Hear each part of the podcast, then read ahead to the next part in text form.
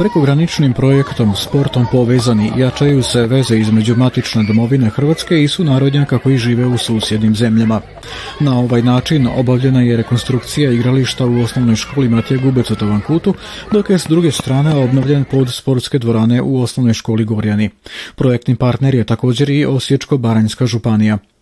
Djeca su za svečanosti na kojoj su sudjelovali i gosti iz Hrvatske provjerila kakvoću novoga terena, podijeljene u četiri ekipe, grožđe, jabuke, kruške i šljive. Ideja je bila da mi koji smo imali jedan stari i dotrajali rukometni teren, taj teren obnovimo, omogućimo školskoj djeci i djeci i omladini sela da aktivno e, se bave sportom u boljim uvjetima.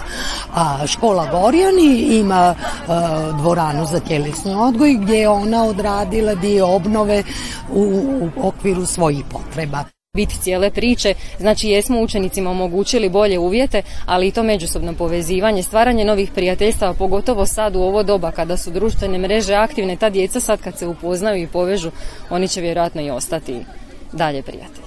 Ukupna vrijednost projekta je nešto manja od 300 tisuća kuna. E, mi smo dobili kao Osječko-Baranska županija 60 tisuća kuna od ministarstva, a osnovna škola Matija Gubec Stavankut je dobila 70 tisuća kuna od ministarstva. Ostalo su e, iznosi vlastitog sufinanciranja projektnih partnera. Suradnja Osječko-Baranske županije i Hrvata u Vojvodini traje već dugi niz godina. Smatramo da je normalno pomagati hrvatsku nacionalnu manjinu u rubnim dijelovima zemlje, kaže Miranda Glavaškul. To je jedan vid suradnje koji je e, poticajan jer e, je jako važno da ljudi znaju da se mogu obratiti nama za pomoć i da smo mi tu e, kao dio Europske unije, kao oni koji se mogu, koji su prihvatljivi za projektima, koji se mogu javljati na projekte, da mi budemo ti koji prijavljamo e, projekte i pronalazimo partnere ovdje. Milanka Kostić, članica Gradskog vijeća Subotice zadužena za obrazovanje, istaknula je kako će grad Subotica uvijek pružati potporu ovakvim aktivnostima. Ovaj teren, kao i onaj drugi teren, svakako da će biti na upotrebi i drugoj deci, omladini, ali i svim stanovnicima ove mesne zajednice i to je ono što je jako važno za sve njih, da imaju mesto gde će moći u slobodno vreme da se bave raznim sportskim aktivnostima. U okviru Tavankutske škole postoji rukometni teren koji služi i za nogomet, košarkaški i teren za odbojku na pijesku. Jedna od želje im je osnovati badminton klub. Školski teren je otvoren za sve zainteresirane u selu, postoji rasvjeta te se može doći i kada zađe sunce, kažu u školu školi. Gledate paletu. Izbor iz emisija na jezicima nacionalnih zajednica.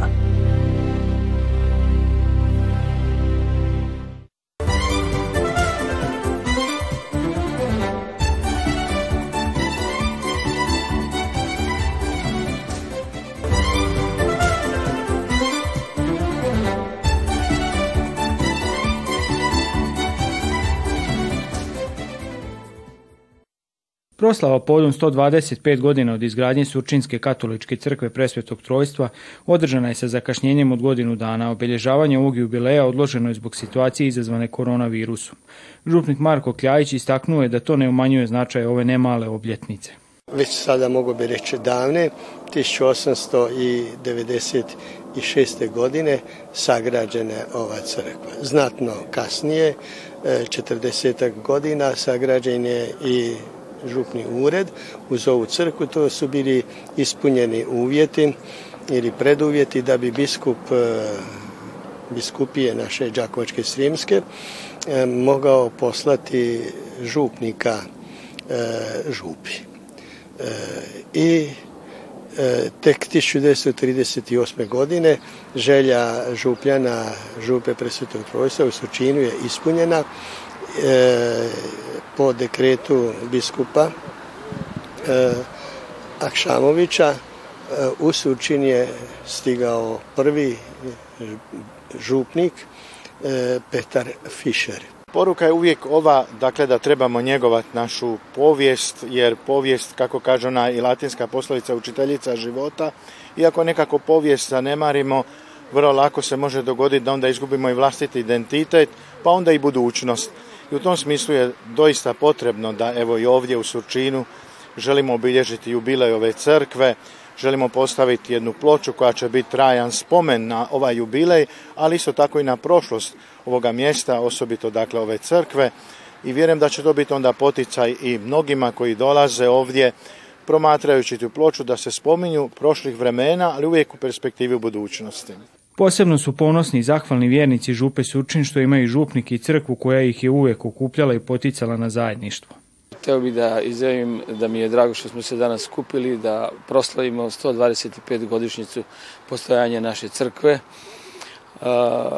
i povodom toga smo malo odradili nešto, znači napravili smo jednu ploču sa imenima svih e, biskupa koji su do sad bili i župnika koji su do sad e, obavljali službu u Sočinu. Najbitnije je da se, da se družimo i da smo u zajednici. Za nas e, vjernike u Sučinu to je jako značajan dan jer e, prošlo je 125, sad već 126. godišnjica od izgradnje crkve.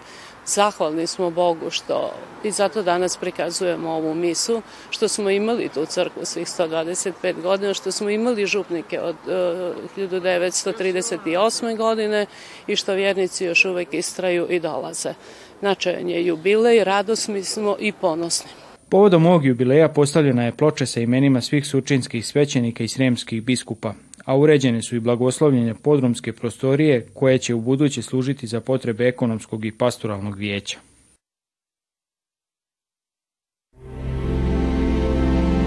Gledate paletu. Izbor iz emisija na jezicima nacionalnih zajednica.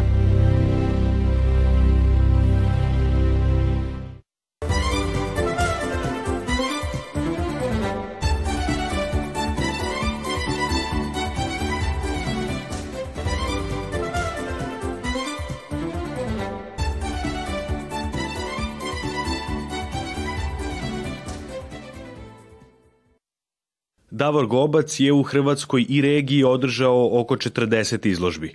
Prvu veliku samostalnu izložbu imao je 1998. godine u Klovićevim dvorima u Zagrebu, a posjetilo ju je više od 3000 ljudi. Ja nisam slikar koji sad svaku izložbu izlaže nove radove koje je napravio, pa di bi stigao, mislim. Ja sam ovaj, izlažem, ono nadograđujem kak napravim neku novu sliku, stavim.